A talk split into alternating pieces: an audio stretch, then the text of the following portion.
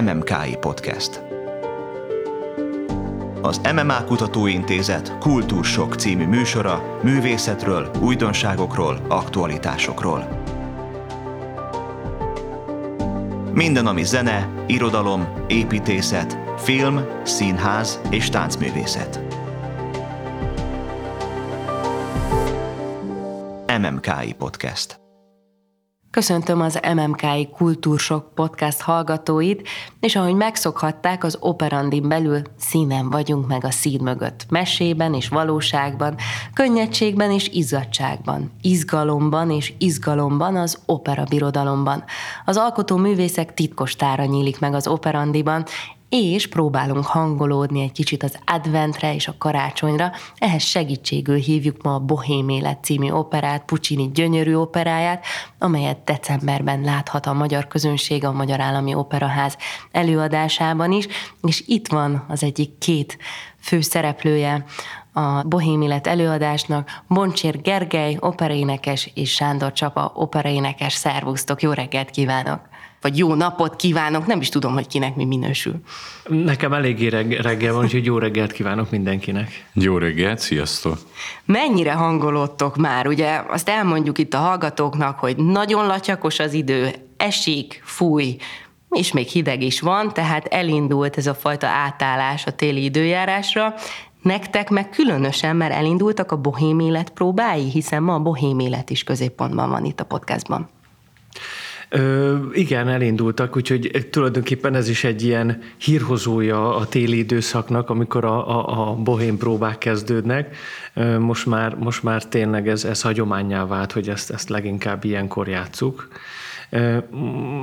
Nyilván nekünk nehézségekbe is ütközik, amikor a hideg időbe jön, hiszen én például szeretek pringázni, meg, meg, meg, meg, meg motorozni, és akkor most ezeket sajnos le kell tenni, becsücsülni az autóban, az embernek mégiscsak muszáj vigyázni magára.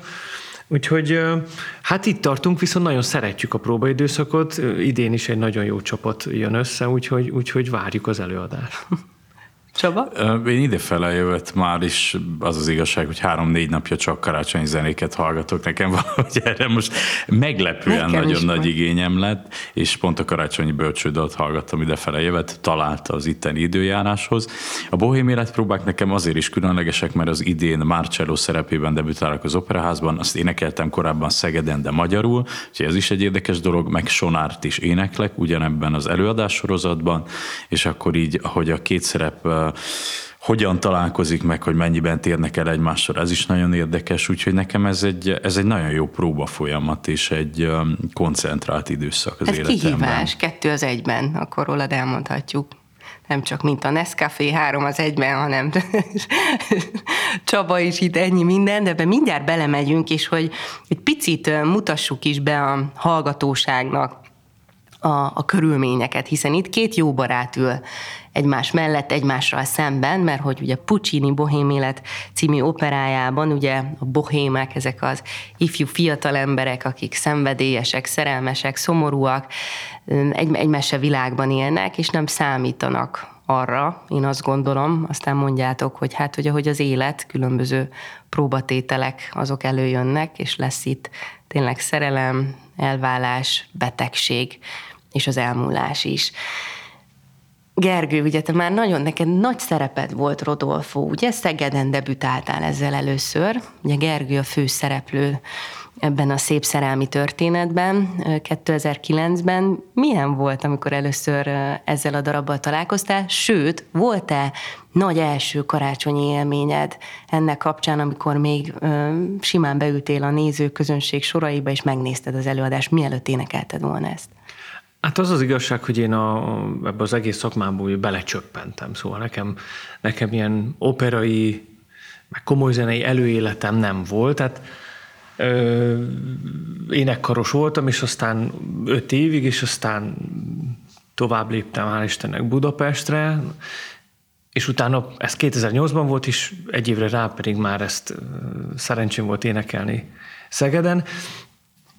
Tényleg az volt az első főszerepem, de akkor ott azt az ember nem éli meg annyira, ö, hanem érdekes, hogy, hogy aztán valahogy mindig az úgy visszamenőleg tekint az ember, és valahogy annak is most még nagyobb jelentősége van, hogy már az ember akkor szerencséje volt énekelni, és ugyanakkor van egy olyan dolog is, hogy egy, sok kollégával, akivel korábban együtt énekeltem, most már ilyen, ilyen hogy is hívják ezt, hogy Ilyen családi körben, vagy nem hát tudom. Egyrészt, meg hogy, meg hogy például, tehát na, nem jut eszembe a szó, ebből is látszik, hogy milyen reggel Szóval, hogy például a Polinával 2009-ben énekeltük, és most idestova akkor azt jelenti, hogy 13 év után újra együtt, és akkor az ember 13 év.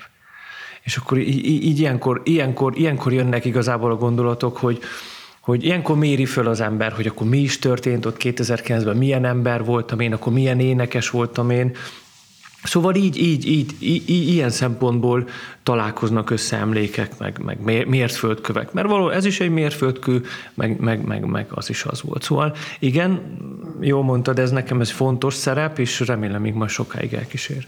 Ez egy nagyon fontos dolog, amit kimondtál, mindjárt vissza is kanyarodunk, de megállok még a mérföldkőnél, mert Csaba, számodra is ez egy mérföldkő, így, hogy ennyi szerepben bujkálsz a bohém élet keretein belül. Milyen volt az első találkozás az operával? Te láttad-e az operát, mielőtt énekelted volna? Igen, igen, nekem az egész opera énekesi történetem a Carmenhez köthető, mert én 18 évesen láttam először Carmen opera előadást felvételről, és én azt mondtam, hogy ha ez az opera, akkor nekem ez nem kell. Tehát, hogy így, így indult az én énekes karrierem, aztán pedig találkoztam a Don Giovannival, és érdekes, hogy ott is ugye több szerepet énekeltem már abból az operából is, és itt is ugye ez van most, hogy a Marcello és a Sonár.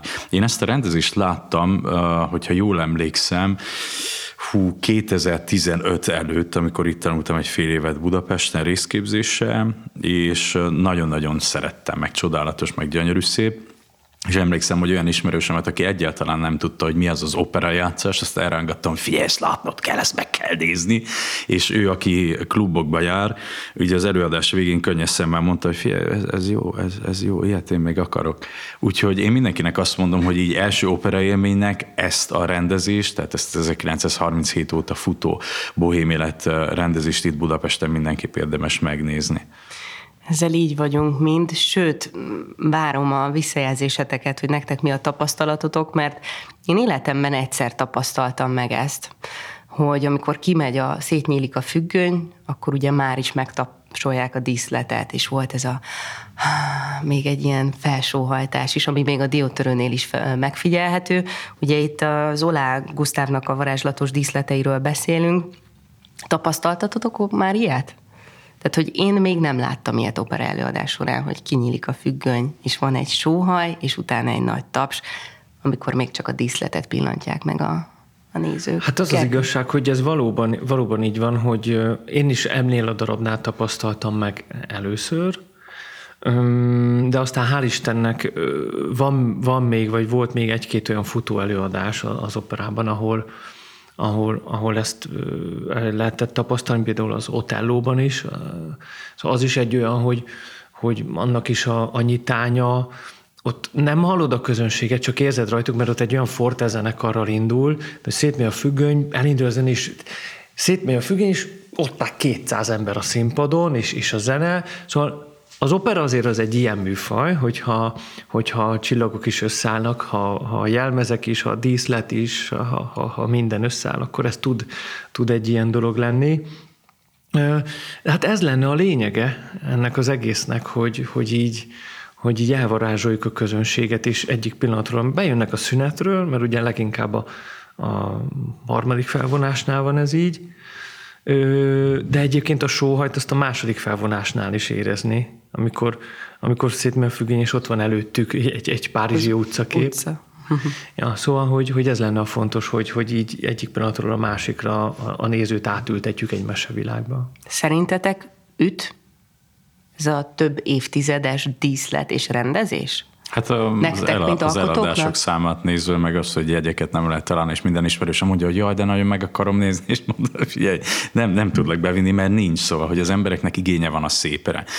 Én a bohém élet előadással úgy vagyok, hogy ahol csak tehetem, vagy ahol járok a világban, ott mindenhol szeretem megnézni. A párom pont, amikor Berlinben dolgozott, akkor ott láttam a bohém életet, és ott a második felvonáson tapsolt a közönség érdekes mód, valahogy az látványosabb ott, míg a harmadik úgy mond, de hát ez így után hangzik, szegényesebb. Náluk. náluk. Hát náluk, náluk. igen, igen. Náluk csodálatos, csodálatos az egész, és szerintem pont ez, hogy valahogy olyan szépen van kimérve, mint Puccini zenéje, hogy az ember akarva akaratlanul ott fog sírni, ahol Puccini akarja. És valahogy így vagyok vele, hogy a végén mindig, mindig képes vagyok beülni csak a végére is. Azt is most is kiráz a hideg. És ezt az ember nem tudja befolyásolni. Tehát az biztos, hogy most, mint Covid, háborús, meg mindenféle időszakban az embernek hatalmas igénye van a szépre. És az emberek szerintem a katazisért járnak színházba vagy operába, és ez az, hogy ami ebben az előadásban évről évre meg tud születni. És ez persze rajtunk múlik előadókon, de hát ilyen csodálatos kollégákkal, meg régi barátokkal könnyű, és talán könnyebb is, hogy megszületik a négy fiú között egy olyan fajta kapcsolat, egy olyan fajta szövetség egy előadásba, ami át tudja segíteni az egészet, hogy átlendíti, vagy ad egy olyan energiát, ami, hogyha a négyük között működik ez a, ez a kapcsolat, akkor nagyon-nagyon jól tud, nagyon jó előadást tud születni. És ugye ez is csodálatos, hogy nincsenek ellenségek. Tehát ez egy olyan opera, amiben nincsenek ellenségek, szóval, hogy még Benoával is nagyon kedvesen bánnak el az elején, úgyhogy szenzációs. Akkor itt álljunk meg egy kicsit, olyan jól behoztad ezt a, a kémiát, hogy a négyek, hogy tényleg átjön ez az igazi derűs, jó baráti kapcsolat és egy nagyon-nagyon mély, mély lélek rajz is, ábrázolás az egész operában. Egy picit helyezzük el a közönséget, hiszen a hallgatóink között vannak olyanok is, akik most ismerkednek az opera műfajával, tehát hogy miről is szól ez a gyönyörű karácsonyi történet? Ö, ez négy fiatal életét mutatja be, négy szegény, szegény sorban élő művészember életét mutatja be, akik egy padlástéri, hát tulajdonképpen szobát bérelnek együtt, és viszont nagyon boldogok a maguk kis szegénységében, jól érzik magukat, jó barátok, az a fontos, hogy jó társaságban vannak is, és hát élik, az életüket úgy, hogy tudják. Nyilván nélkülöznek, de, de mondom, a, a legfontosabb a jó hangulat, és ezt a Puccini a zenében is érzékelteti, és a, így, így kezdődik az egész darab. Ö, és hát igazából nagy vonalakban arról van szó, hogy aztán az egyik kölyüknél beköszönt a szerelem. Az vagy te? Az, az lennék én. Ö, és és a történet az viszont úgy folytatódik, hogy csatlakozott hozzájuk egy lány, és folytatódik tovább az egész boldog történet, csak hát közben a lány az megbetegszik, és akkor nyilván ez, ez szembesíti őket az élet nehézségével maradjunk ennyiben, és aztán nem jó végződik. Nem spoilerezünk, igen, maradjunk Csodálatos ennyiben. Csodálatos az, ahogy Hozzá. indul a Rodolfo és Mácsaló közötti beszélgetés az opera elején, hogy, hogy egy barát, tehát egy, egy alkotó feláldozza a saját művét azért, hogy, hogy tudjanak melegedni, tehát elégetik a, a drámáját. És ugye az egészben bejön Sonár, az, a, a zenész, tehát ugye Mácsaló a festő, Colin a filozófus, Rodolfo az író, és akkor megjön Sonár, aki hoz pénzt. Szóval ez az érdekes, és onnantól érdekessé válik, hogy a, a karácsony este, hogy ne otthon egyenek, hát itthon csak iszunk, odakint meg eszünk, tehát ez a mondat így elhangzik. Nekem azért is érdekes ügy az egész, mert Sonár, meg Colin azt mondom, hogy a Rodolfo, meg a Marcello úgymond belső vívódásait, Rodolfo szerelmét, Marcellónak a mindenféle fájdalmát végig kommentálják.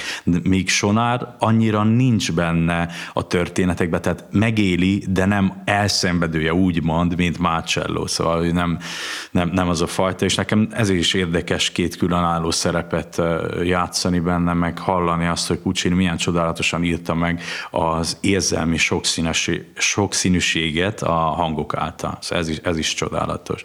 És nekem az az egésznek a fordulópontja, amikor beszélgettem valakivel, aki azt mondta, hogy nem szereti a bohémet, mondom, az a csodálatos, mert hogy miért nem változtatnak az életükön, meg hogy hát bármikor lehetne. Más mondom, hogy nem az az érdekes, hogy, hogy mi van velük most, hanem az, hogy mi mi halála után mennyire lesz más az életük. Hogy amikor beköszön tényleg a, a rideg valóság, vagy a halál, hogyha az embernek az életébe ezt azért szerintem sokan vannak így, hogy megtapasztalták, hogy milyen ott állni valakinek a, a úgymond az ágya felett, vagy a sírja mellett, hogy mennyire erős dolog, és hogy meg tud érinteni, hogy az elmúlás milyen erős.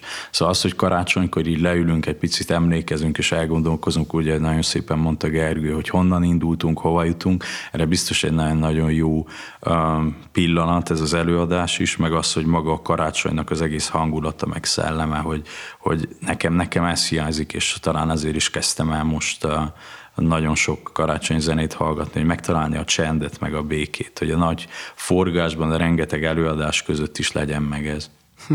Itt két fontos dolog hangzott el, az egyik a, a sokszínűség, a másik pedig, hogy miért nem változtatnak, és itt te nagyon szép gondolatokat mondtál, de én egy picit itt leállnék, hogy hát változtatnak, mennyiben tudnak változtatni, szerintem sem mennyiben. Ugye itt Párizsban vagyunk, itt tényleg nagyon szegénységben élő, de jókedélyű fiatal művészeket látunk, akik, akiknek a törekvései folyamatosan megmutatkoznak az egész darab folyamán. Tehát az, hogy ki hogyan mond le, a végén akár a kabátjáról, a művéről, hogy hogyan, hogyan próbálják egymást meghallgatni, reflektálni egymás életére, akár a két szerelmes pár, mert aztán neked is lesz itt egy nagy szerelmi szálad, mint Marcello, életére mm, hatni, vagy segíteni a barátokat, tehát, és itt átkanyarodok a sokszínűségről, hogy itt tényleg a legszebb emberi vonások rajzolódnak ki.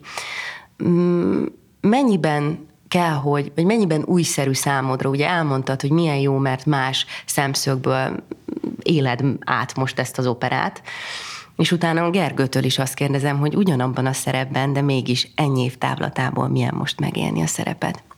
Hát teljesen más, mert ugye az ember azt kezdi figyelni, hogy egy rendezésen belül is hol vannak azok a kapcsolódási pontok, ahol a két szereplő találkozik. Tehát, hogy ez, ez nagyon érdekes, hogy ugyanazt a darabot más-más szemszögből vizsgálod, és más szálon futsz végig, tehát, hogy hol, hol vannak az arányok. És ez nagyon-nagyon jó, hogy a négy fiú között mikor kell úgymond mozgatni a szálakat, vagy hogy mi, kinek mi a dolga. Nekem ez egy hatalmas ajándék, meg egy nagyon nagy lehetőség, nagy kihívás, és mind fejben, mind zeneileg, úgyhogy én nagyon-nagyon örülök ennek.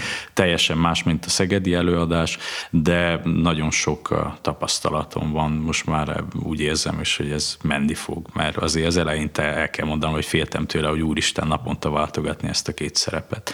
Úgyhogy nekünk meg azért érdekes, Gergővel itt közben eszembe jutott, hogy hát a Bohém 2.0-át is együtt csináltunk, ahol megint eltérő karakterek vannak, tehát ott teljesen ez a, a talán mai fiataloknak könnyebben azonosulható, de én nem akarom azt mondani, hogy modern meg régi, én azt mondom inkább, hogy van jó színház, meg rossz színház, vagy olyan, hogy hat, vagy nem hat, vagy mm. el tud vinni minket arra pár órára. Gergő, ugye mondtad, és ez nagyon szíven ütött, vagy megütötte a fülemet, mert milyen fontos, hogy igen, 2009-ben még egy teljesen más ember áll a színpadon is most. Ugyanakkor nagyon kell figyelnetek, nagyon kell koncentrálnotok, jelen kell lennetek, mennyiben tud mégis hatni ez a, akár ez, a, ez az átalakulás, ami az évek során történik veled, hogy, hogy ma 2022-ben milyen Rodolfo áll a színpadon? Um, Visszacsatolnék egy picit a, a, a, a Csabára. A, vannak, akik azt mondják, és a Simándi is azt mondta, hogy hát ő nem tud azonosulni a Rodolfo, mert milyen, milyen férfi már az, aki nem megy el a rőzsét összegyűjteni, hogy befűtsön. Tehát vannak ezek a vélemények. Én szerintem ö, azért jó, egyébként a való életben én is sokkal inkább reális gondolkodású vagyok, mint sem, mint sem egy bohém. De azért jó, hogy találkozunk ilyen karakterekkel, vagy ilyen emberekkel, mert kimozdítanak bennünket, ami esetleges kocka életünkből, és abból, hogy megyünk fásultan előre, és, és amit most a Csaba is mondja, hogy keresi a lelki nyugalmat, a csendet, az áthangolódást, akkor ez, ez az előadás, és ezek a karakterek, ez a történet ehhez segít minket hozzá, hogy nézzük meg a, a, a dolgoknak egy másik oldalát. Az életet vizsgáljuk meg egy másik szemszögből, abból, hogy mi van, amikor ne, kicsit nem foglalkozunk dolgokkal, nem élünk, egymással vagyunk barátok, jó társaság, és élvezünk, hideg van, hideg van, kész, dobjuk rá a verset, égessük el a festményt, így van. Tehát, hogy, hogy ez egy nagyon jó, ez egy nagyon jó ennek van nevelő célzata is, azok felé is, akik kockafejűek is. Most itt magamról is beszélek egy picit. És a, az évadon belül is mindig nagyon jó, mikor ide elérkezünk, vagy van ez egy kicsit, mert a többi darab az komoly. Egy, egy, amit az imént említettem, egy Otello, egy, egy, egy bánkban, nagyon komoly. És Egyszerűen az a fura, amikor itt elindul a zene, és basszus, hát itt hülyéskedni kell az elején. Igen, hát itt... négy férfi verekedik a színpadon, mi van? Annyira, annyira olyan jól látjon tényleg ez a férfi együttlét, hogy a, a falka is verekednek, viccelődnek, minden. És mennyire fantasztikus Puccini, nem?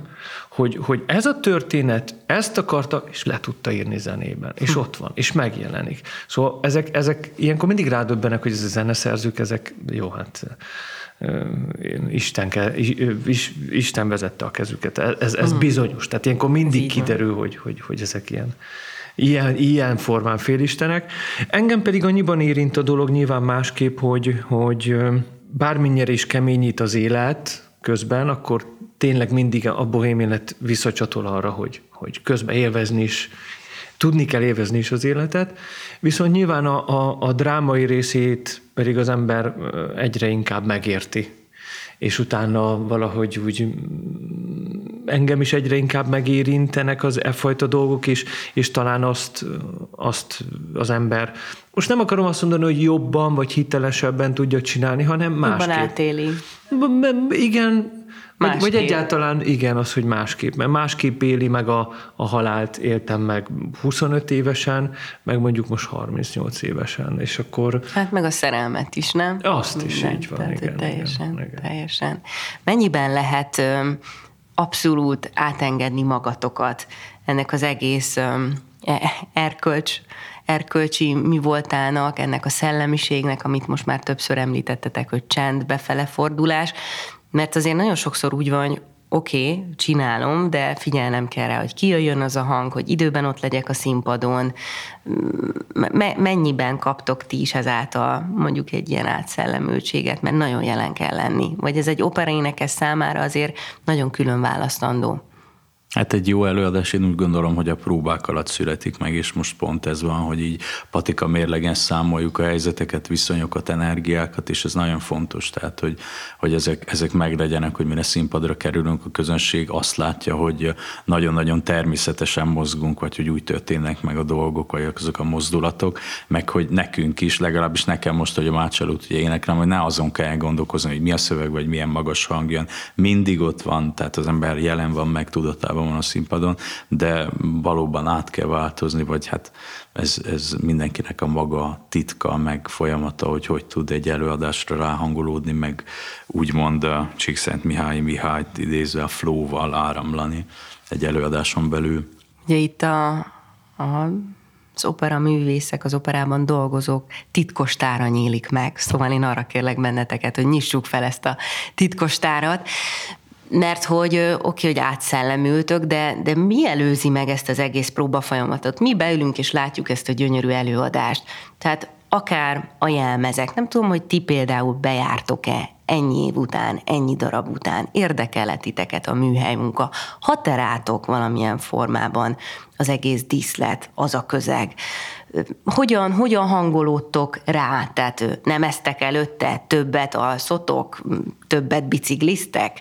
Hogyan néz ki egy ilyen felkészülés, hogyan léptek a színpadra? Nézzünk meg mondjuk egy előadás előtti napot. Ö, ez nagyon nehéz, mert ö, én például nem találtam még meg ennek a kulcsát. Ö, érdekes módon próbálkoztam, tehát hogy most van, van egy ilyen mondás, hogy hogyha elmentünk turnéra, akkor mindig azt mondták, hogy a tenorista, a turnin az vagy az ágyban fekszik, vagy a színpadon énekel. És akkor, de a legtöbben egyébként az van, hogy az, a legtöbben azt mondják, hogy az előadás napját azt szenteld meg, nem? Meg az, az, elő, az a nap az az előadásé. És akkor tényleg mindenkinek megvan a praktikája, én, mivel én nem találtam, meg nagyon sokat kérdezgettem, hogy te, te hogy csináltál, te hogy, hmm. és mondták, hogy hogy van, aki reggel föl kell, egyből beénekel, hogy meglássam, milyen állapotban Igen. van. Van, aki azt mondja, hogy föl kell, és ő nem csinál semmit, csak hagyja, hogy önmagától ébredjen föl a test. Tehát, hogy ez, ez egy nagyon, nagyon különleges dolog, hogy kinek hogy van, és én azt gondolom, nem tudom, Csaba, erősíts meg, vagy cáfolj meg, hogy ez viszont a korral változik. Hát amíg fiatal vagy, addig mindegy, hogy este van előadás, vagy nincs, most már nem annyira mindegy, most már nem annyira mindegy, már egyre jobban oda kell figyelni, új, új, új, új este előadás van. Szóval öm, öm, valóban, és hát sőt, hát van még egy másik dolog, amit, amiben nem, nem menjünk bele, vagy nem tudom, igen. belemenjünk, vagy nem. Szóval öm, egyéni, ez a, egyéni ez a dolog. Balettosok mindig mondják, hogy fürdőbe tilos menni. Fürdőbe? Igen, fürdőbe. Uh-huh, igen. Le Geri mondta Diótor előtt, hogy nem szabad menni a fürdőbe, mert a forró gőz az valahogy úgy hat a testre, hogy az izmokra, hogy, hogy nem lehet nekik előadás menni, szóval akkor most már így több mindent tudunk, hogy mit lehet és mit Na, nem hát, lehet. Hát ilyenek. De például ami, ami, tehát ami nekem például, és aztán majd mondd el Csaba, hogy, hogy neked milyen praktikáid vannak, és érdeklődésre fogom hallgatni, de mostanában sajnos az utóbbi években ugye a betegségek, az, az, az rettenetes lehet. Nekem mióta gyerek lett, ugye a gyerek hazahozott a bölcsőbe, oviból, akármit, három nap alatt túl volt rajta, ami meg három hétig szenvedtünk tőle. Tehát én például az, hogy én, én attól rettenetesen fél félek. Úgyhogy, úgyhogy Úgyhogy közösségekben nem nagyon, és, és a pandémia például azt megmutatta nekünk, hogy ha, ha maszkot hordunk, azért az egy megoldás, akárhogy Igen, is. Nagyon szóval, is. hogy ha van koronavírus helyzet, ha nincs, bármilyen vírus helyzet, az megvan, úgyhogy az tényleg érdemes hordani, és szerintem ezt erre biztatom az embereket is. Na de Csaba, hagyd tegyem fel neked a kérdést is, én is mondom, várva várom, hogy hát nagyon-nagyon különleges szokás nincs, tehát hogy megvan, hogy mennyivel előtte megyek be egy előadásra, hogy ellenőrzöm. Hát mennyivel minden. előtte mész hát, be, Csaba? változó azért. Ahogy nem, nem, nem, attól függ, hogy vagyok az első jelenetben, vagy nem vagyok, vagy a másokban, de hát itt rögtön a bohém élet elején, tehát hogy elindul a, a velem indul most Marcellóként, úgyhogy biztos egy másfél órával azelőtt ben vagyok, beéneklek, ellenőrzöm a kellékeket, itt, ruhákat. Itt álljunk meg egy percre, bocs, hogy a színházi protokoll mit ír elő? De hát ugye egy egy mondjuk óra. egy órával egy az előadás kezdet előtt kell bent lennetek. Igen, de például a, a, a, a, a nők, ők jóval előtte ben vannak. Jóval ha, ők, ők mondjuk a sminkfodrászat miatt is. Aha. Te akkor ellenőrzöd a kellékeket? Hát Noha ellenőrzöm kellékes... a kellékeket persze, meg, meg nekem valahogy aznap az tényleg így van, hogy igyekszem amennyire csak lehet csendben maradni, meg keveset mozogni, meg nem tudom, tehát hogy tornászni, vagy gyújtani, tehát egy picit tényleg ráfigyelni erre az egészre, de volt már olyan is tényleg, hogy végig rohantam az egész napot, és úgy estem be előadásra, de akkor is az előtte lévő időszak szerintem ez mindenkinek megvan, hogy mennyi idő alatt tud rákoncentrálni, ráhangolódni egy előadásra, vagy megtalálni azt a csendet, amiből el tudja indítani az előadást. Szerintem ez teljesen egyénfüggő, tehát különleges dolog nekem nincs volt, hogy meditáltam előadás előtt, vagy mit tudom, De közben az se jó, hogyha nagyon... Hogy, igen, az se jó, hogyha nagyon-nagyon nyugi vagy. Akkor utána igen előadásra meg Igen. lehet, hogy föl se ér. Igen, az, Aha. Hát nagyon sav, tehát olyan dolgokat nem eszek például, amit tudom, hogy savat csinált, vagy nem. Tehát nem akkor az étkezésnél azért Azért beszélgessünk egy ideje a dolgok, szóval azért csak vannak igen, dolgok. Igen. Hát vannak, tehát hogy vannak, de ilyen Meg gondolom, nem is ehetitek túl nem, magatokat, mondjuk az a hastámasznál számít, hogy nem egy jó pacal pörkölt után lépsz a hát, színpadra? Hát, hogy a kollégák, igen, hogy olyanokat befogsz, hogy azt még meg lehet rágni utána. ja, tehát, tehát ez így kell kellemetlen, de hát a bohém életben mi eszünk a színpadon, tehát azért ez nem titok, tehát ott van, van mindenféle. De tehát azért akkor előtte... nem műétel van, hanem ti valóban eztek? Igen, igen, igen. igen. No, van, mi van, kerül van. az asztalra? Csirke, sonka, zöldségek, van ott minden, attól függ, hát előadásonként változik ez. Na, de mindig vannak ilyen, hát hogy mondjuk kulisszatitkokat, nekem, nekem itt mondjuk Pesten nincs annyira sok, de beavatás például, hogy én amikor Kolozsvárra bekerültem a Magyar Operába, akkor a kollégáim kitalálták, hogy beküldenek egy olyan jelenetbe, ami nincs. És akkor jött, bementem előadásra, ugyanígy nagyon lelkes lelkesen előtte egy órával, és akkor jött a segédrendező, hogy hát az egyik balettos fiú az lebetegedett, és hát akkor be kell ugrani. Hát mondom, hát balett, balett? nem tudok. Hát mondták, statisztálni kell, nem gond, mennyi, lefelvetettek velem egy harisnyát, befestették a hajamat feketére, Tényleg? kipirosítóztak, és beküldtek egy olyan jelenetbe, ami nem létezik. És persze mindenki nevet ezen, tehát hogy ez, ez, ez így jó, jó volt. Vagy az, hogy a varázsfúvolába, amikor ugye Papagino fel akarja akasztani magát, és akkor gyerekeknek játszottuk az előadást, hogy mennyivel um, hangosabbak, nem azt mondom, hogy elevenebbek, de hogy, hogy nagyon-nagyon ott vannak a, velünk a színpadon, és mindenre nagyon hangosan reagálnak. Szóval ott volt, hogy a, elszámol Papagino háromig, és mondja, hogy akkor most felakasztja magát, és akkor a sötétből egy gyerekhang megszólalt, hogy létszine, és oh, hogy ez is mennyire, mennyire eleven. Nekem, nekem a bohémnél, vagy a bohém életet illetően mindig, mindig van egy ilyen, hogy, hogy a kollégáknak a végén a szemébe nézel, és látod azt a fajta csillogást, meg, meg azt a fajta energiát, akkor, akkor tudod, hogy egy nagyon-nagyon jó előadás született. Nekem mindig megrázó, tehát a végén ez, amikor Rodolfo felordít hangosan, hogy Mimi, ez, ez egyszerűen hátból zongató. Szóval hm. annyira erősen belemar az emberbe, addig a nagy jóked, vidámság, meg minden, hogy, hogy, hogy az, az, az melbevágó. És valahogy Puccini csodálatosan tudja ezt, mert ott lesz vége az előadásnak. És az ember ott marad, és utána nagyon-nagyon kemény nyomot tud hagyni, és szerintem jó pár napig lehet ezen töprengeni, hogy mit, mit is jelentett ez az egész. Nekem mindig ilyen a bohém. Szóval az, az amit mondta Gerő, hogy nagyon, nagyon jó érzés tényleg ezt játszani. És jó így, hogy, hogy vannak különböző dolgok, hát mi nem játszottunk annyit így együtt, de például a Kolinokkal van egy-egy játék már együtt, amiket nagyon-nagyon jól csinálunk. Nekem a kis Andrissal volt ilyen, amikor Kolin Kolint játszott ő meg én a sorát, hogy már tudtuk, hogy akkor na, itt fogsz meg, és itt fogsz földhöz vágni, és akkor tudom, mert jó, oké, és akkor közönség meg, hú, hogy micsoda improvizáció. Hogyne. Szóval vannak ilyen titkok. Hogyne.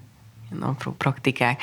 Gergő, hát tőle, távol áll tőlem nyilván itt a, a színművészet, de minket azért a rádiónál, meg a tévében arra tanítottak, amikor mondjuk hangos könyv felolvasás volt, hogy te ne hatódj meg, mert akkor a közönség nem fog meghatódni. Te ne sírjál, mert ők nem fognak sírni. Hogy ugye itt van egy nagyon dramatikus jelenet, amit a, a Csaba behozott, hogy tényleg úgy ér véget a, a tetőponton véget ér ez az egész, hogy, hogy ez most már így az átszellemültséggel megy, vagy, vagy, erre, vagy ezen azért még van, amikor izgulsz, hogy na tényleg olyan hatással legyen, mert ez egy nagyon-nagyon fontos kulcsmozzanat. Bocsánat, bocsánat, hogy így beleszólok, szerintem akkor jó neki Rodolfónak, hogy ő egyedül nem tudja megteremteni, hogyha mi megteremtjük azt a, azt a helyzetet, amiből megkérdezi tőlünk, hogy, hogy mi, miért néztek rám ilyen furcsán? Uh-huh. Szóval akkor, akkor biztos, hogy ez, egy, ez egy az közös dolog. Abszolút, Aha. tehát Igen, ez nem egy személyes ha, játék. Ha a technikai dolgoknál tartunk, és hát ez az egyik alapja a, a dolognak, alappillére, hogy te is mondod, hogy, hogy annak, hogy legyen egy, annak, hogy egy három másodperces csöndnek hatása legyen, akkor előtte tíz másodpercig a többieknek úgy kell járkálniuk, úgy kell mozogniuk. És ugye ez, ez, ez, ez például nagyon nehéz, hogy akkor ott, amikor benne vagy és játszol, akkor viszont fejben nagyon ott legyél, hogy most van az, hogy egy kicsit zsizsegünk, de nem nagyon, csak egy picit, picit, picit, és amikor a, a, nagyon kell figyelni, hogy a másik mikor mondja ki azt a mondatot, mert akkor kimondja, akkor viszont megállj. Hm. És, amikor, és, a, és akkor lesz hatás annak a szünetnek. Ö, ezért nehéz technikailag, ekkor, ekkor nagyon kell Ekkor van az, hogy nagyon ott kell lenni fejben, és nem érzelemben. Közben meg az egész előadást az érzelem kell, hogy vezérelje, Ez de közben meg ott kell tudni lenni fejbe.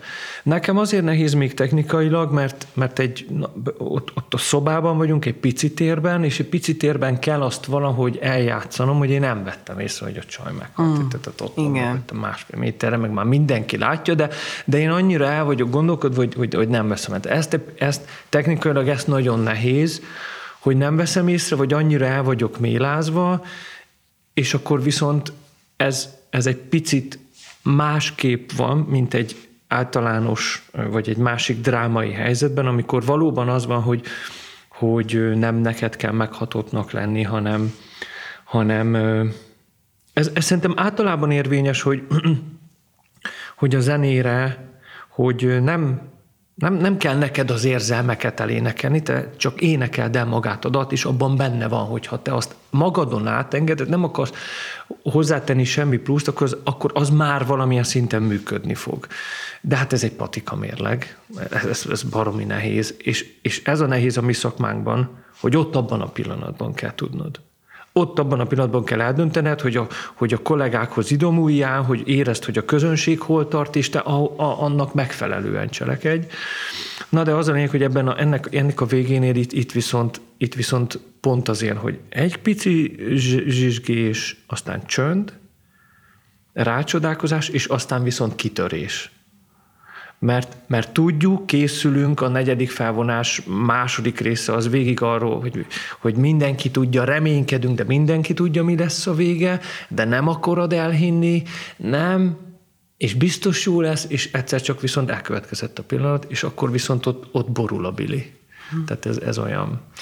Ilyen fontos, és tényleg nagyon jól kinyitottátok itt a titkos tárat, hogy miközben nézzük, hat ránk az egész, de hogy ezt így mondod, hogy milyen kicsi szobában vagy, és hogy nem veszed észre, és hogy itt megint ez a, a mély pszichológia, hogy hányszor benne vagyunk valami olyanban, ami a szemünk előtt van, de nem vesszük észre egy, vagy mert nem szeretnénk észrevenni, vagy mert annyira tényleg egy ilyen vákumban a saját gondolatainkban van, vagyunk benne, hogy mennyi minden van, van itt is így a, az emberi lélek ábrázolásból jelen a színpadon, és hogy utólag pedig akkor már hát kapcsolnod kell, vagy kapcsolsz is, hogy tényleg milyen átütő erővel jönnek át az érzelmek. Tehát nüanszok, folyamatosan nüanszok vannak jelen a színpadon. Hogyha már itt a, a komolyságról beszélünk, akkor egy kicsit vegyünk egy kanyart, és nézzük meg a, a, a derűsebb pillanatokat is hát sok év már eltelt, nagyon sok előadás lement a bohém életből. Van-e olyan, amikor, amikor tényleg történtek olyan bakik, vagy, vagy miközben, nem tudom én, Mimi ott fekszik az ágyon, hát gondolom, hogy ott piheg, és csendben ne, ne, ne, nem, nem beszél hozzád, vagy nem, nem kuncog, de hogy, hogy volt olyan pillanat a bohém élet folyamán, amikor vagy nem volt bent egy kellék, vagy ami mondjuk számotokra markáns, vagy eddig minden simán ment? Mindenkinek volt. Nyilván ne, például nekünk a negyedik felvonásban van az, hogy én, én, én ott ez lehet, hogy vicces, és igazából magamon is elgondolkodom ott közben, de, de közben én próbálok ott is praktikus lenni, tehát behozzák a mimit, és hát ugye már mikor a vége felé jár a dolog, és hát haldoklik, és hát ott például nektek van egy ágyletétel, érted, és az is az ember azt mondja, jó, gyorsan egy ágyat neki, no, de az nem úgy van, hát annak helye van, pontos izé, hogy hogy van, merre néz az ágy, hogy az énekes majd lássa a karmester, és akkor ő is lefekszik, hát egy ránk maradt 1937-ből egy ágyikó. Kis mini ágyikó. Mini ágyikó párnákkal, és akkor hát vannak nagyobb és kisebb mimik, meg ki hogy fekszik le, és akkor és hát feküdni kéne, de fekve azért nem lehet énekelni kicsit, és akkor én mindig ott vagyok, hogy ott énekelünk, meg közben kicsit haldoklunk, de én kérdezem, hogy párna jó, így kicsit följebb tegyem, gyere följebb, fejedet, olyan, és akkor, és akkor és tehát így én megágyazok neki úgy szépen, tényleg, mert, mert belegondolok, hogy basszus, hát rettenetes lehet ott fekve énekelni, és, és ilyesmi, tehát Például ez ott, ez ott megy közben. Na hát ezt, ezt nem gondoltuk volna soha. Na, te milyen figyelmes vagy, Gergő, tehát ez, ez megy a háttérbe, és közben pedig megy nagyban hát, a dráma. Muszáj, mert, hogyha, mert, de mert tudom, hogy ha nem komfortos neki, akkor, akkor már, már, ott lőttek az egésznek. Hogy, hogy végig ott hasizomba fogja magát tartani, hát nem lesz, akkor itt abba fog belehalni, aztán nem másba. Hogyne. És aztán nekem még volt egy vicces, hát van egy, van egy kedves kollégánk, aki rendszeresen a második felvonásban a, az, a, az ő, ő, ő lendületével ott a, ott a, a, a kellékek azok megsínlik ezt a dolgot, ugye? Tányérok törnek.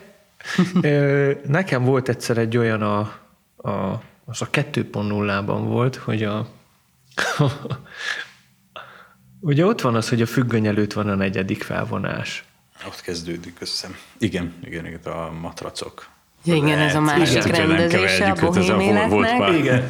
És akkor ott volt az, hogy, hogy magunkra maradtunk a Mimivel, és amikor annak a, a pici duett résznek vége van, akkor bejön a, a, a Marcello a, a a műzettel, hogy meghozták a gyógyszert.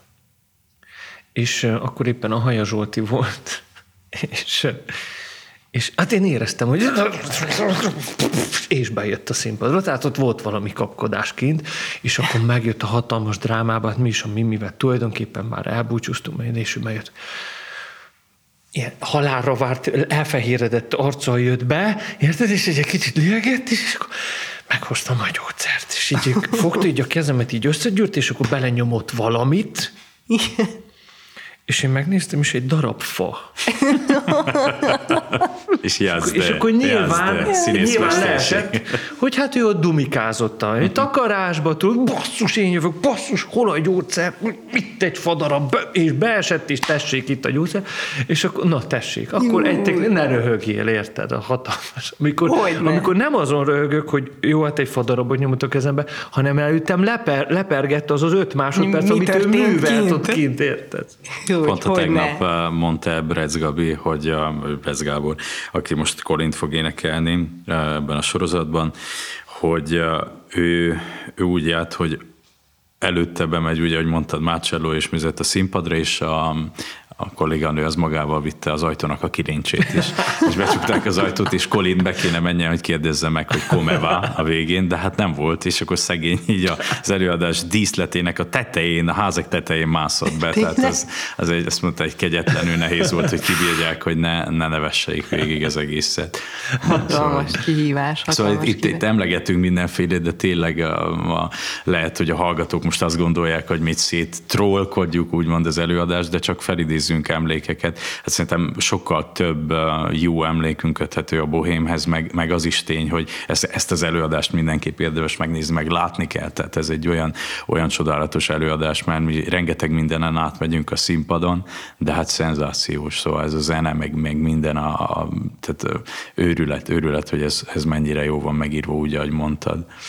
Nagyon jó, hogy behozott természetes, hogy itt nem csak trollkodás van, de nagyon jól megmutatja az, hogy minden előadás egy élő előadás, tehát bármi történhet, és, és, és az, az világossá vált már számunkra, amit a Gergő is mondott, hogy patika mérlegen van minden kimérve, tehát nektek nagyon-nagyon sok képességet kell összetenni a színpadon, de de egy kicsit még szóljatok, légy szíves, azokról, a, azokról az alkotóművészekről, azokról az emberekről, akik, akik egy operaénekes segítenek az előadás alatt, vagy akár műszakilag is, ugye, hogy mi az, amit látunk és nem látunk a nézőtérről, és akkor itt behoznám azt, hogy ti képernyőkön látjátok például a karmestert a színpad két oldalán? Ami, igen. Vannak jelölések a színpadon, hogy vannak a kellékek bekészítve, a gyors átöltözések, bármi? Igen, nekem ezzel kapcsolatban egy picit más dolog itt eszembe, aztán majd válaszolok rá, vagy a, vagy a Csaba. Én most anélkül, hogy magamról beszélnék, nagyon gyors leszek, nagyon Helyenként nagyon kicsi a, az önbizalmam, meg, a, meg, a, meg az ön, vagy, vagy az önértékelésem, vagy túlzottan alázatos vagyok, most ez mindegy. Ez egy ilyen általános hozzáállásom az élethez. És az operában volt az, megfordultam más színházban is, de az operában volt az az első élményem, amikor bementem, és akkor jöttek az öltöztetők, és akkor, és akkor művész úr, és akkor legyen kedves, akkor jöjjön, és a ruhát akkor magára adjuk, és jó, megfelel minden, és akkor megigazítjuk, hogy, hogy a kezem alá, és akkor jó, ne, ne, ne, hát köszi, én föl tudom venni a nadrágot, nem, nem, köszi. És akkor bejött a kellék, bekészítettük a keréket az asztalra, minden rendben, megvan minden, oké, valamire szükség van még, és akkor, és akkor én kellemetlenül éreztem ebben magam, Utána akkor elgondolkodom, és rájövök, hogy hát nyilván ő a dolgát teszi, és nyilván ez nem rólam szól, hanem ez, ez, ez, ez mind az előadásért van. És akik ott dolgoznak, ők mind, és ez nagyon nehéz volt megértenem, hogy, hogy, hogy az öltöztető, a kellékes, a statiszta, ő, ő mit, egy, egy statiszta mondta még nekem egyszer, hogy, hogy pandémia alatt beszélgettünk, hogy, hogy és ott van húsz éve 20 éves statiszta, úgyhogy nincs fix fizetése. És egyébként mondom, és nálatok most hogy van, nincs előadás? Hát ez olyan elég nagyot szó lesz. Amúgy ő meg asztalos. Mondom, asztalos vagy? Hát ne hülyéskedj már. Hát mondom, az én asztalosom az másfél milliót visz haza. Hát miért nem mész el asztalosnak?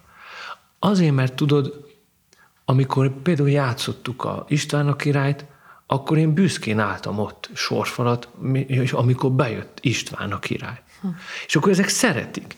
És akkor szóval oda kanyarodik vissza, hogy, hogy ezek a, a háttérmunkások, ők, akik hozzásegítenek minket, és ezáltal megsegítik az előadást, hogy az egésznek mekkora a jelentősége, mekkora a fontossága, hogy minden adott legyen ahhoz, patika mérlegen, hogy aznap este a lehető leg, leg, legjobb dolog szülessen meg. Hmm mozaik, mozaik, igen, és igen, így áll össze az egész Nagyon kép. jól mondtad az elején azt, hogy szerencsés csillagzat alatt történnek előadások, hogy úgy állnak össze. Szerintem az nem tudja benne az operaházban tisztelni a takarítót, aki nem térdelt még gombostűbe a színpadon. Tehát nekem már volt ilyen tényleg, hogy megérzed a súlyát, hogy mennyire erős dolog az, hogy minden a helyén legyen. És ez a fajta tisztelet meg segítőkészség, ami tényleg itt az operaházban van, hogy, hogy művész úr minden rendben van, meg ott van, meg Szia Csaba, meg egy jó szó, meg egy vállonveregetés, mielőtt mész be a színpadra, hogy jó van, vagy, vagy jön az ügyelő, és azt mondja, hogy figyelj, én hallgatlak négy-öt éve, és egyre jobb, egyre jobb. Szóval, hogy ezek nagyon-nagyon sokat tudnak és adni. Az mert... az érdekes, bocs, hogy, hogy közben azt gondolnánk, hogy ez segít, és segít, hát hogy ne segítene. De közben meg még én rám például még nagyobb terhet lesz. Basszus, hogy még ők is ezért dolgoznak, és most kimegyek, és rajtam múlik. Most akkor az a C basszus, most ki jön, nem jön, pedig még a takarító is ezért takarított föl, érted is. Szóval nem, hogy, hogy amikor, amikor bemondják az előadást kezdésnél, hogy és, és a díszítők, és a másik 500 ember azon dolgozott, és a fő, és, te jössz, tessék, és taps, és taps. És akkor néha van úgy, hogy úgy megy le az első jelenet, ott négyen, amikor a körködünk, bocsánat, hogy ezt a szót használom, hogy kijövünk, és így, úristen, mi történt? Jó volt, jó volt, nem, nagyon jó volt, nagyon jó. Mindenki így, így zsong, mint hogyha megívott volna öt energiaitalt. Nekem amúgy az előadás előtt a lecsendesedésnél mindig ez jut eszembe, nagyon, nagyon szép uh, idézet volt, hogy Hát az idézetet is mindjárt elmondom, csak hogy én egyetem alatt, amikor mentem haza, és egy nem jól sikerült énekóra után uh, gondolkoztam azon, hogy mi a fene ez az éneklés, hogy hogy kellene azt a magas hangot, hogy akkor hogy van ez a födés, meg, meg, meg minden ilyen őrültség járt a fejembe, ugye, meg, meg, meg, szakmai dolgok, meg rengeteg kérdője, hogy leszálltam a villamosról, és ott láttam Nagyváradon a, a szemetesben turkált egy, egy homeless, mezitláb, és énekelt. És mondom, hogy ez, ez a legnagyobb probléma, hogy elfelejtjük néha azt, hogy miért is megyünk a színpadra, hogy az éneklés öröme, az előadás öröme, vagy az igazi mondani való, hogy sokat agyalunk néha azon, hogy mi hogy kellene legyen, vagy hogy kellene énekelni, de az, az amit mondok Gerő is, hogyha ha összeáll minden és sikerül, akkor, akkor meg tud születni. És itt van az idézet, ami nekem mindig eszembe jut, és megnevettet néha, hogy van egy ilyen arab közmondás, hogy ha éneked nem szembe a csendnél, akkor hallgass. Uh-huh. És talán ez, ez a, az egyik legfontosabb a, a bohém életnél is, hogy, hogy nevetünk, sírunk, meg, meg egymást támogatjuk, meg minden, de, de a végén ott maradunk a csenddel. És hogy annak mennyire van súlya, az teljesen rajtunk múlik, mert Puccini, meg hát ugye a régi csodálatos Nádasdi féle rendezés ezt mind megteremti nekünk, hogy, hogy ez létrejöjjön. Úgyhogy én tényleg azt tudom mondani a hallgatóknak, meg mindenkinek, hogy aki nem látta a bohémenetet, az jöjjön, sőt, akik egyáltalán nem szeretik az operát, mert ilyenekkel is találkozom, azoknak meg azt tudom mondani, hogy szerintem csak azért nem szeretik, mert ugyanúgy annyiféle van, mint az ételek közül, hogy még nem találták meg a számukra megfelelőt, vagy én itt vagyok rá a legjobb példa, hogy itt ülök operaénekesként, és az első találkozás találkozásom az operával olyan volt, hogy úristen, na ne.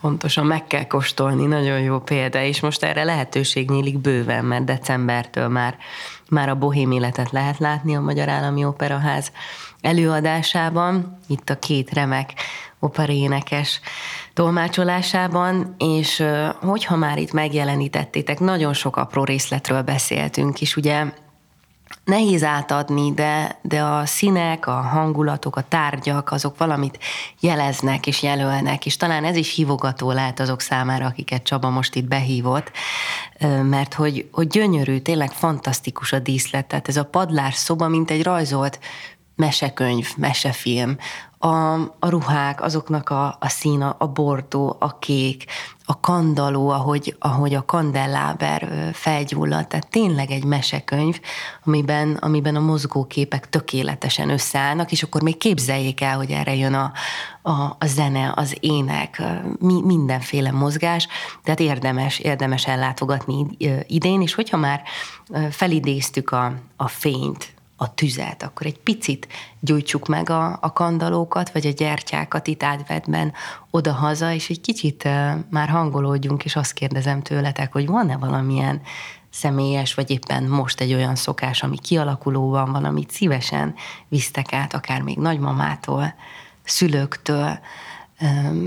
Van-e olyan karácsonyi hagyományotok, akár lelki, akár egy olyan kis rutin, amit, amiről szívesen mesélnétek nekünk. Én szeretem ezeket begyűjteni, mindig olvasgatom, meg nézem ezeket a régi könyveket. Most pont egy-egy régi osztrák könyvben néztem, hogy össze voltak szedve ezek a hagyományok, ott ugye a gyertyakészítés mézzel, viaszból, ott benne van ez az adventi időszakban, és most ki is tűztem magam elé, hogy na, egyik, egyik adventi gyújtásnál, gyertyagyújtásnál ezt otthon a családdal majd mi is megpróbáljuk. Van-e valami ilyen? Akár Erdélyből, Csaba, tőletek még régről, Gergő? Um, alapvetően én mindig is nagyon kerestem a karácsony hangulatát, szóval nem volt meg, elég szűk családi körben nőttem föl, szóval ilyen kialak, kialakult szokások nem voltak. Ö, ö, mindig jó hangulatban telt, de hogy nőttem, egyre inkább kerestem, hogy ezt még mélyebben megélni, és igazából mm, én, én, én, én azt valahogy a templomban találom meg.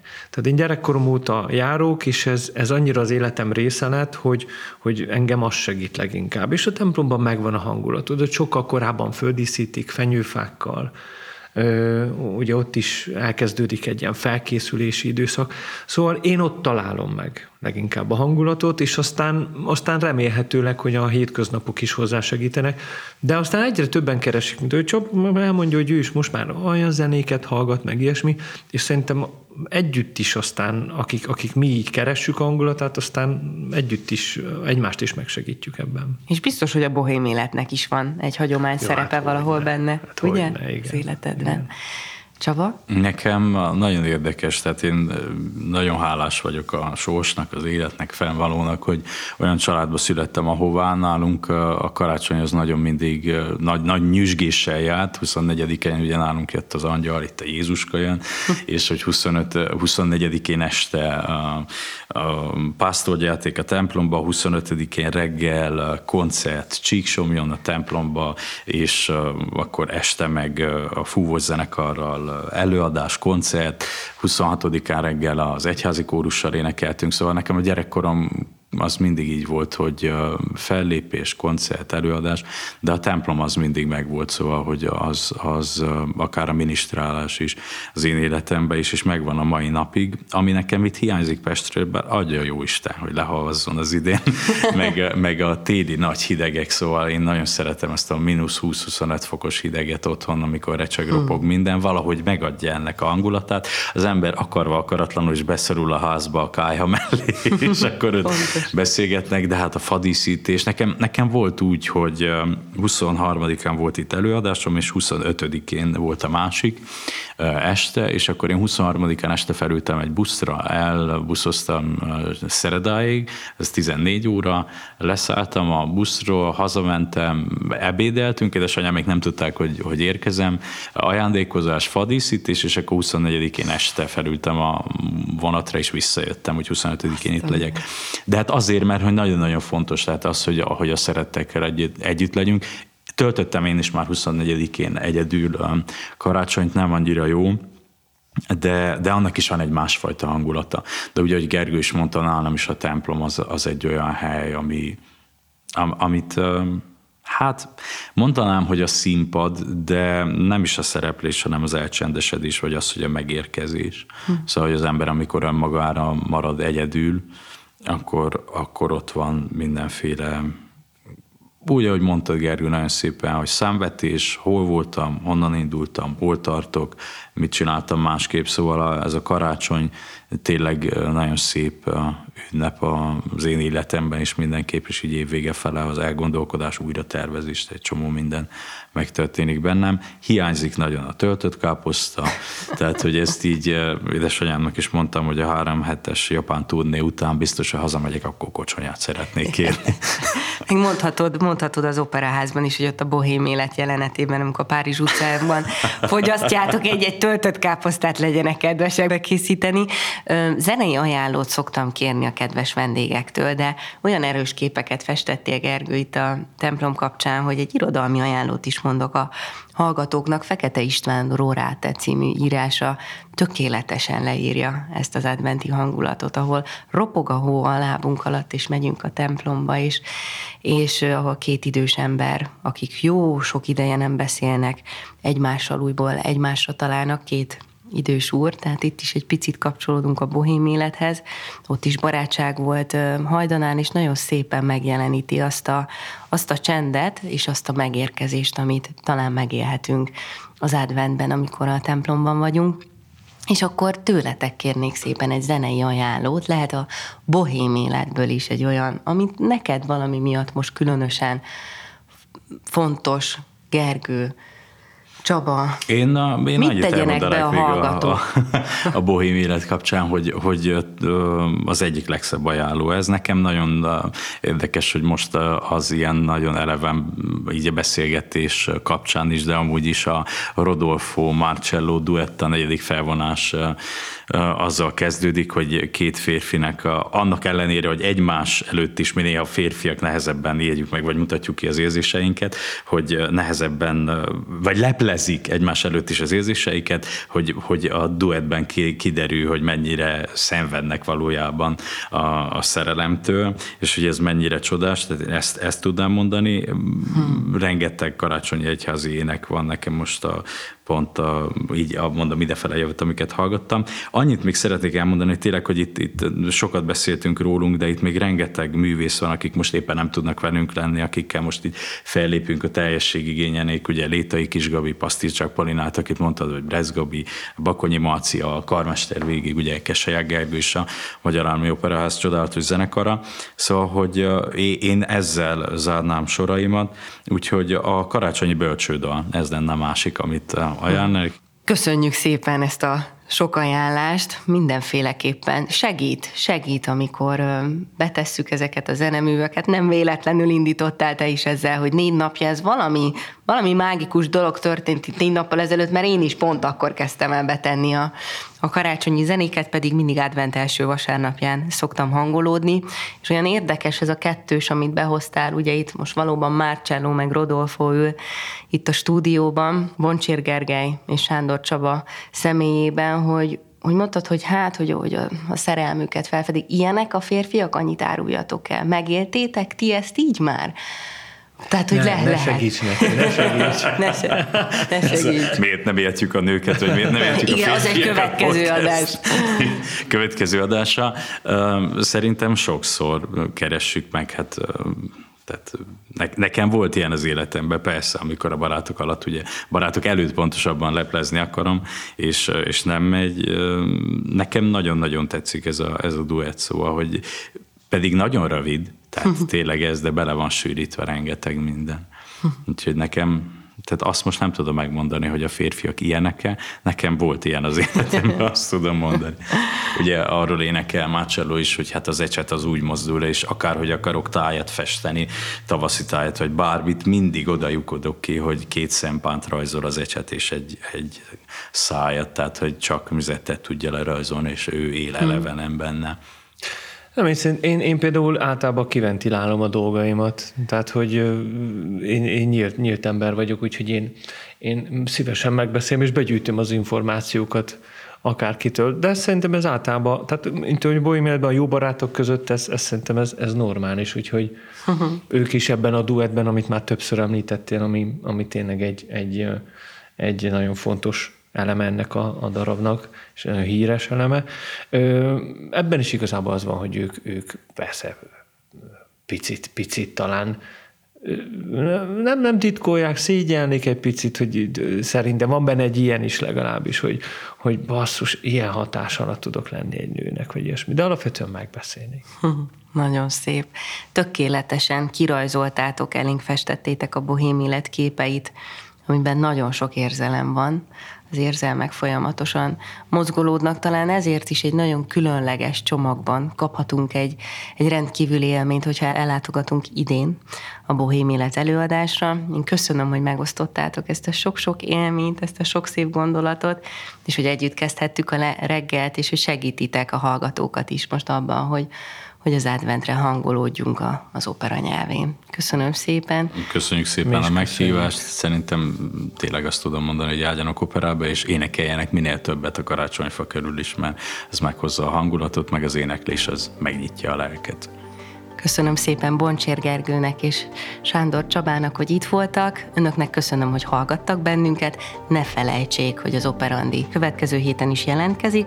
A kultúrsok adásait ne felejtsék el bekapcsolni, sőt, ha tehetik, ne is kapcsolják ki.